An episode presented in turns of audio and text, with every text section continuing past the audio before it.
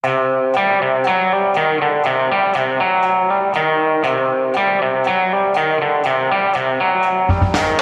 Sting gå av? Full oppvask etter at påtrappende oljefondsjef Nicolai Tangen har hatt superseminar med venner og samfunnstopper.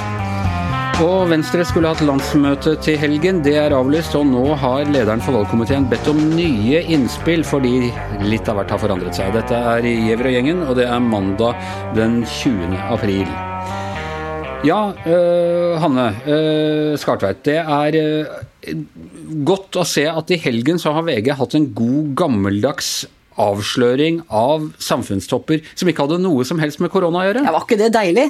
Og jeg koste meg. Det det altså går ut på, er at påtroffende oljesjef Nicolai Tangen, som var sånn dark horse, eller hva man kaller det, altså han kom litt utenifra, hedgefund manager, som overraskende ble, overtok da jobben til Slyngstad som leder for uh, oljefondet.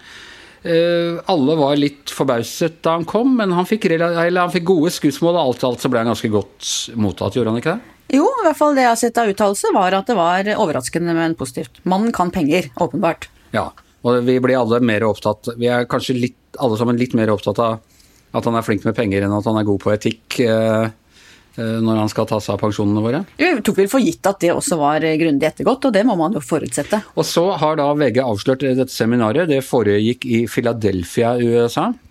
Der ble man flydd inn med noen sånn helt ny type luksusjet med egne restauranter og sovevogner og Eller ikke sovevogner, men sånne soveceller. Og jeg vet ikke hva. Man har bodd på luksushotell, man har blitt vina og dina mens man hører på interessante foredrag. Og på så har det bare vært ett aber med hele arrangementet, og det er at man måtte høre på Sting. For denne Tangen har av egen lomme betalt ni millioner kroner for at Sting skal spille. Uh, det opprørte deg aller best, Anders. Det var du skikkelig opprørt over. Jeg bare tenker på hva du kan bruke ni millioner kroner til. og så er det sånn, Jeg tror jeg skal få Sting til å spille. Ja, det syns jeg. Men så jeg Harald Eia sa på Facebook, det er jeg delvis enig i, at det er noe betryggende når sånne topper som det har litt uh, kjedelig og døll musikk og kultursmak. Uh, så det får jeg greit. Men, men hvor kritikkverdig er dette kontra hvor pikant det er? For det er åpenbart pikant å få se hvordan disse samfunnstoppene henger sammen. Men har de egentlig gjort noe gærent, Hanne? Det er jo ikke noe galt i å arrangere et seminar og invitere gode venner på en bra fest. Så den delen av det er jo absolutt det mest pikante. Og det mener jeg at det er nyttig i seg sjøl å på en måte kjenne til hvem i norsk eliten og makta kjenner hvem. Og så har du det, om det har skjedd noe galt eller ikke, da har du jo det som nå kommer fram om at noen av de som deltok, burde ha betalt reisen selv, og har også, sånn som FN-ambassadøren, som hvor man har gått inn og betalt hennes billetter. ikke sant? Noen har kanskje ikke oppgitt i detaljert nok grad hva de skulle. Så at de formelle tingene rundt særlig offentlig ansatte, som jo har et helt annet regelverk å forholde seg til, det er det spørsmål om hva som er galt og ikke galt her. Men det er klart at dette er veldig unorsk og vekker deg for ganske sterke følelser hos mange. Hvis jeg hadde kommet til deg og sagt at uh, jeg er invitert på et veldig interessant seminar i Philadelphia, Tangen flyr inn, masse interessante stemmer, jeg bor på luksushotell, jeg kjører egen jet, eneste haken ved greia er at jeg må må høre på Sting. hadde jeg fått det da? Nei. Vi betaler alltid reiser og den type ting selv på denne type arrangementer. Eller ikke denne type, vi er ikke på denne type arrangementer! ja, og det, og, og, men det er jo Hvorfor? Hvorfor gjør vi ikke det? Bør det ikke være like strenge regler for FN-ambassadøren og, og, næringsministeren og uh, olje, lederen for oljefondet som det er for uh, en skerve, stakkars journalist i VG? Jo, det er jo veldig veldig strenge regler for uh, offentlig ansatte, absolutt. Og grunnen til at det er så strengt i pressen, er jo at vi skal ikke uh, ha noen bindinger eller ha noen andre interesser uh, som er skjult for folk. Vi skal være, det skal være arbeidsgiver som betaler vår lønn, punktum. Leserne skal vite at det vi skriver, det vi mener, det vi rapporterer om, skal være ut fra, uten andre bindinger enn at vi mener at det er sant og rett. Hva tenker du om dette, Astrid Mæland? Jeg tenker at det er svaret ja det er brudd på, på, regelverket og på etikken. Oljefondet har minst like strenge regler som oss journalister. Vi får jo omtrent ikke lov til å drikke øl med, med kilder lenger. Um, oljefondsansatte. Du får drikke én eller to, er det ikke noe sånt? I hvert fall må vi betale sjøl, og helst på alle andre, og det er nå greit. Oljefondsansatte har, så vidt jeg kjenner til, en årlig eksamen der de må svare på spørsmål om hva det er som sånne kryssavspørsmål, om hva det er som skal betale når du er ute med, med forbindelser. Er det du, eller er det han som skal betale for kaffen? Det er oljefondet. Og Eh, alle sånne hedgefondforvaltere som Nicolai Tangen er potensielle forretningspartnere for oljefondet. Oljefondet er kjempeinteressant for alle som driver et hedgefond. De vil ha milliardene til oljefondet fordi at de har så mye penger, og fordi at det PR-messig er så supert å få eh, lov til å investere oljefondets penger. Og så får de en prosentandel av det, ikke sant, og tjener penger på det. Så det her er som å ta imot eh, betaling fra en IT-gigant som har lyst til å selge IT Uh, utstyrte VG, altså uh, hotell og fly og sånn, da, uh, sammenlignbart. Og Det er derfor Norges Bank har bestemt at vil jeg tro, at den har sagt at den flyreisa til Yngve Slyngstad, avtroppende oljesjef for, for, fonds, for, Oljesjefsjef, hva heter det? Ja. Sjef i oljefondet. Mm. Ja. Oljefondsjef, ja. Den skulle han vært med på. Det sier han jo sjøl. Men de har et ganske rart forsvar i Aftenposten i dag, der de snakker om at Nicolai Tangen sitt hedgefond ikke er en forretningsforbindelse for oljefondet. Og det stemmer jo, de har ikke inngått noen avtale med oljefondet om å forvalte pengene. Men det, det kan jo skje, ikke sant? Så, så jeg syns det er en veldig merkverdig forsvar. Og, og, det er jo bare i seg selv det at alle kommer løpende nå og skal begynne å betale minibarregninger og eh, drosjeregninger og, og flyregninger og hotellregninger. Det er, jo, er ikke det en innrømmelse i seg selv at dette er galt, eh, Hanne? Det, er i hvert fall, altså det, det, det, man sier er jo at dette er venner han har invitert, og så viser det at det er jo ikke helt lett å bare være venn. sånn at det viser i hvert fall at det er ting her som eh, burde vært håndtert helt annerledes. Ja, det er jo én ting. altså Regjeringsadvokaten eh, Fredrik Sejersted han har vært med. Og Han er altså gammel venn av eh, Tangen, så han er inhabil. Og, og det blir framført litt som en sånn han kan være med fordi han var inhabil uansett. Er det sånn at regjeringsadvokaten bør delta på denne type som, ja, altså faglig seminar og faglig seminar, eh, seminar, Det høres ut som de gamle julebordene i VG hvor vi fikk en sånn opplesning av uh, hvor mye som ble kalt sånn jule- eller novemberseminaret. Så fikk vi en opplesning om hvor bra det gikk, og etterpå var det middag og fest. Nei, Jeg har nok inntrykk av at dette har vært et reelt faglig seminar. At hans interesse for å lage diskusjoner rundt massevis av temaer som han er opptatt av, er genuin. Så det tror jeg ikke man skal I hvert fall vil ikke jeg trekke det i tvil at det er det han ville lage, og så lagde mye gøy ved siden av, selvfølgelig. Hva tenker du, Astrid? Det var jo bl.a.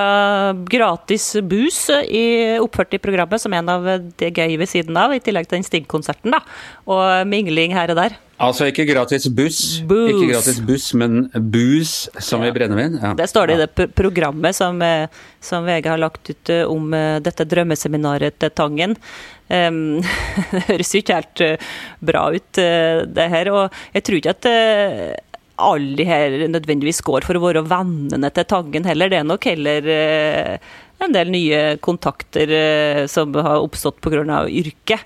Jeg syns ikke at det er eh, mest kritikkverdig for Tangen. Han må nå få lov til å holde på med fester og eh, drømmeseminar så mye han vil. Heller det at en del av de som takka ja til invitasjonen, heller kanskje skulle ha vært hjemme. For at når du sitter i den luksussenga på det luksusflyet og breier det, så skal du være med på det i tre dager, så begynner du kanskje å få en følelse av at det her det er litt smøring på et vis. Det kan folk mistenke at det er, uten at det, vi har noe hold for å si det. Men det kom jo da etterpå en ansettelse i oljefondet, da Nicolai Tangen ble ansatt. Og i dag så avslører DN at eh, han, eh, Yngve Slyngstad og Tangen har e eh, sendt e-post om den stillinga til og med etter seminaret og før han ble ansatt. Ja, vi må jo nevne her også for skams skyld at vår egen toppsjef Kristin Skogen Lund i Skipsted uh, også uh, var med her. Så det er åpenbart litt, litt, andre regler i direksjonen enn der i redaksjonen. Jeg gleder meg til seminar framover. Det blir jo kjempefint for oss. ja, blir, ja, ja. Jeg har mange gode forslag til hvor vi skal dra. Philadelphia er litt kjedelig, syns jeg. Det blir ikke Sting i hvert fall, det kan jeg love dere. Og det tror jeg mange på er glad for. Det er en lettelse. Ikke Bono heller. Nei, ikke Bono heller. Jeg lover, ikke Bono heller. Nei, men Det syns jeg også er et interessant aspekt på det hele. er på måte at det er et slags si, Londons finansverdens eh, virkelighet som krasjer med den mer sånn nøkterne Embetsmanns-Norge. Eh, for det er klart at dette er veldig unorsk og veldig annerledes enn det vi er vant til, og annerledes enn det vi har sett fra folk som sitter og forvalter pengene våre fra Finansdepartementet og oljefondet og andre folk. Helt kort, Hanne, må noen gå? Nei, det tror jeg ikke. Det, man, man, vet jo aldri, det er for tidlig å si, men uh... Ikke Sting engang? Det er i hvert fall en usedvanlig dårlig start for den nye oljesjefen, da, som, oljefondsjefen, som skal starte senere i år. Det er dårligst tenkelig starten. Men jeg tenker at det ikke er så dårlig for altså, ja, Men han har jo ikke egentlig gjort noe gærent, han har bare brukt pengene sine på networking, er det ikke det man kaller det? Han, er jo, han fremstår her som en smart influenser. Det er jo alle disse her eh, som har vært med på det, som, eh, som, eventuelt har eh, blamert seg. Det kan jo få inntrykk av Man kan jo begynne å mistenke at han har invitert en del av disse fordi han har lyst på den jobben, da, uten at vi har noe som helst hold for det, selvfølgelig. Men det her skjedde jo etter at Slyngstad hadde sagt opp jobben sin, og før da var det ansatt en ny. Og det er avslørt at de har hatt samtaler om toppjobben på seminaret. Og det er avslørt at, har, at Tangen har sendt en e-post til Slyngstad om den jobben. Og den ansettelsen i seg sjøl i oljefondet var jo veldig rar. For at uh, han, Tangen sto ikke engang på lista. Uh, ikke sånn anonym kandidat engang. Han ble henta av et rekrutteringsfirma, og Øystein Olsen, sentralbanksjefen, sier i dag at han ikke vet hvordan Nicolai Tangen kom inn uh, i bildet. Men må jeg si at selve invitasjonene til dette seminaret ble jo sendt ut lenge, lenge før jobben som oljefondsjef var ledig. Det var vel 18 måneder, to år før at han begynte å arrangere seminaret og sendte ut invitasjoner. Så det tror jeg blir en litt vel konspirativ teori rundt det. Ok, ok. Vi skal helt sikkert snakke mer om denne saken uh, utover i uka. Og takk til deg, Hanne, for du skal egentlig på et annet uh, møte. Uh, Tone Sofie Aglen. rett før teppet gikk ned her den 12. mars så var den store politiske saken i Norge at Trine Skei Grande, i verdens minste lille regjeringsparti, var gikk av. Jeg holdt på å si presset til å gå av, det ville hun vel kanskje ikke ha Hun ville ikke, ville ikke brukt de ordene. men hun gikk av. Det var en ganske stor dramatikk rundt dette. Vi snakket mye om det her i, i Giæver og gjengen. Og så druknet jo på en måte alt i korona. Uh, kontrafaktisk historieskriving. Hvis hun hadde holdt ut et par dager til, hadde hun vært venstreleder fremdeles da? Ja, det ville hun jo vært, for hun var jo innstilt uh, enstemmig valgkomiteen som ny venstreleder, og de to utfordrerne Abid Raja Sveinung Rotevatn eh, hadde jo sagt at de ikke ville utfordre henne, men det kunne ha blitt bråk, det vet vi ikke. Men det som veldig ofte skjer i kriser, er jo at man eh, slutter opp om lederne sine. Hun ville vært kunnskapsminister, som er en, en tydelig plattform, og, men det, det, vet du ikke. Og mitt inntrykk er jo også at uh, Trine Skei Grande sjøl var letta over å ta den beslutninga, men, men, i dag så ser jo verden veldig annerledes ut enn den gjorde når, når teppet gikk ned for en måned siden. Ja, og så at det var litt dårlig timing eh, for henne. Hun hadde hatt helt andre ting å ta hensyn til Eh, for da hun, hadde hun vært gjennom en, en, veldig eh, slitsom periode. Mye press, mye mas fra oss i mediene, mye baksnakking og, og politisk spill.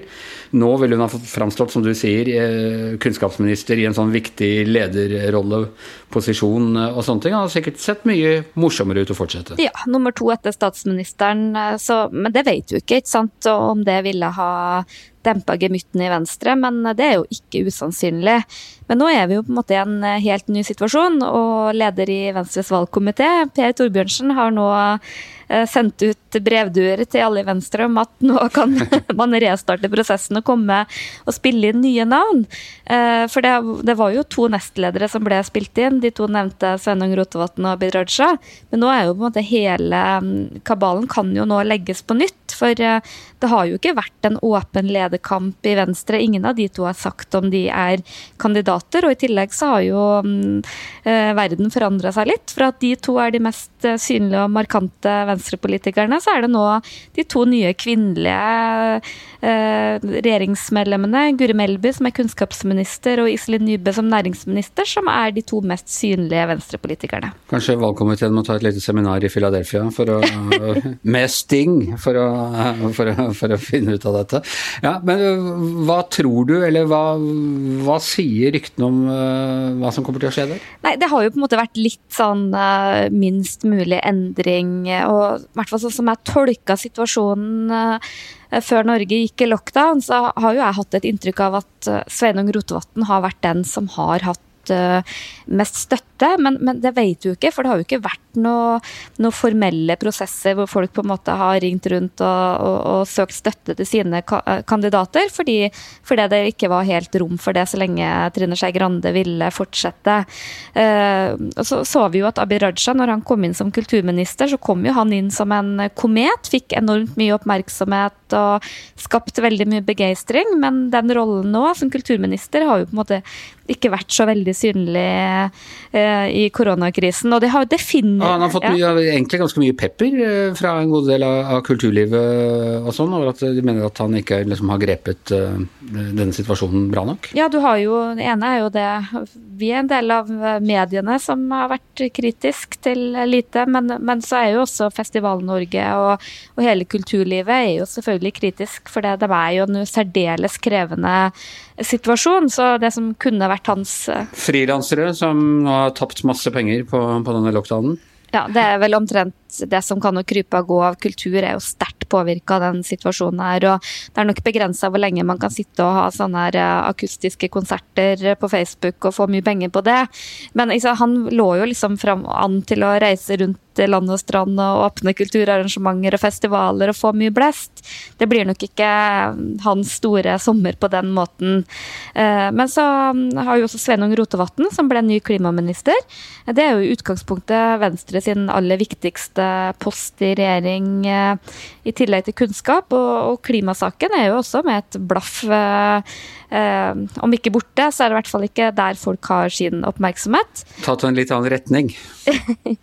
ja, så heller ikke det er liksom den mest markante. Mens uh, den helt ferske kunnskapsministeren Guri Melby hun har jo ikke vært helt med i betraktninga, fordi hun har vært fra Oslo, som Trine Skei Grande, og det blir for mye Oslo-dominans. Men nå blir hun en mye mer aktuell kandidat, og jeg tror mange er imponert over uh, hvor mye autoritet hun har gått inn i den rollen som kunnskapsminister med. Og så i tillegg så har jo også Iselin Nybø, som har blitt løfta opp som uh, nummer to i regjering. Um, den som leder regjeringas arbeid, har jo også fått en mye mer sentral posisjon med alle disse næringspakkene. Men du, uh, ja, jeg sa jo her at de har avlyst landsmøte. Men MDG de skal ha landsmøte, er det, er det, nå til helgen? Ja, MDG skal ha sitt landsmøte nå til helga. Venstre skulle jo ha denne helga. Og Venstre, nei, MDG er det eneste partiet som har vedtatt å ha digitalt landsmøte. Hvordan gjør man det? Ja, det er mange veldig spent på. Eh, og nå tror jeg på en måte den mest dramatiske saken i MDG er jo at de skal velge en ny partileder, og det er jo historisk, for de har alltid hatt eh, to uh, saks, eller talspersoner. Så nå blir jo Une Bastholm valgt, og det blir jo veldig spennende å se. For Venstre sitt vedkommende så er nok ikke det så veldig aktuelt å ha digitalt. Og, og, Venstre har jo også vært i en veldig spesiell situasjon, for det har alltid vært veldig mye bråk før Venstre sine landsmøter. Eh, veldig mye uro i mediene. Og så har de på en måte møttes og gjennomført landsmøtet, og så reiser derifra som litt sånn eh, vel forlikt og samla. Det har liksom vært litt Så jeg tror ikke for Venstre, med så mye underliggende konflikter, at et digitalt landsmøte er helt uh, det ideelle for dem. Kan det ikke være en fordel? Kan det ikke være, Da slipper du alle disse her korridorgreiene på landsmøtehotellet og folk som våkner i feil senger og, eh, og alt det der bakspillet. Må folk bare forholde seg saklig og skikkelig og stort sett nøkternt edru til, eh, til alt som foregår? Kan ikke, dette, kan ikke dette vise seg å være en game changer for norsk politikk? Jeg tror egentlig ikke det. Nå skal jeg jo følge Miljøpartiet sitt landsmøte i helga, men jeg tror noe av det kanskje aller viktigste med et landsmøte er jo ikke akkurat de vedtakene som blir gjort, men, men at folk møtes, uh, knytte bånd, uh, skape de relasjonene seg imellom. Det tror jeg uh, man vil se hvor viktig det er i et parti med den møteplassen som landsmøtet er. Kanskje vel så mye som et politisk verksted. Men det interessante for Venstre sitt vedkommende er jo at når landsmøtet endelig blir gjennomført, vil jo ha ganske stor betydning for hvordan situasjonen er. For det er jo et parti hvor stemningen skifter ganske fort. Og, det ville jo hatt en helt annen betydning om det er landsmøte nå, eller om det er landsmøte om et halvt år. Uh, ja, Hva gjør de andre partiene, de andre som skulle ha hatt landsmøte? Hvordan ordner de det fremover? Ja, Det er jo et mellomvalgsår, så det er jo bare to partier som eh, skulle ha landsmøte nå. Det ene er Frp, som har avlyst, og vi vet ikke så veldig mye om hva de tenker. Og så er det Høyre. Og også i Høyre så er man jo i en situasjon at man har uh, satt en, en, en, sånn ledervalg på vent. For der skulle jo egentlig Bent Høie gå av som nestleder. Og Tina Bru var innstilt som ny nestleder. og og nå tror ikke jeg det vil være noe dramatikk i Høyre, kjenner jeg de rett. Det er nok litt annerledes enn i Venstre. Og jeg tror at Tina Bru kommer til å bli gjenvalgt når det blir et landsmøte. Nei, gjenvalgt så er har valgt. Men, men, det er jo litt spesielt at det er Bent Høie som er uh, den mest synlige i landet ved siden av Erna Solberg, som skulle ha gått av. Nå er jo han helseminister og en jeg ser folk til og med går og klapper for. Så det er vel en situasjon som jeg tror Høyre er relativt bekvem med. Ja. Ja, nei, Heldig for dem at det var mellomår. Jeg er spent på hva demokratene i USA skal gjøre med, med landsmøtet sitt, for de er ikke i et mellomår akkurat. Men med det så tror jeg vi må si at uh, Giæver og gjengen er over for i dag. I, i hvert sitt hjemmestudio Tone Sofie Aglen, Hanne Skartvedt, Astrid Mæland, Anders Giæver og mannen som følger oss every breath we take and every move we make, Magne Antonsen er produsert. Vi høres igjen.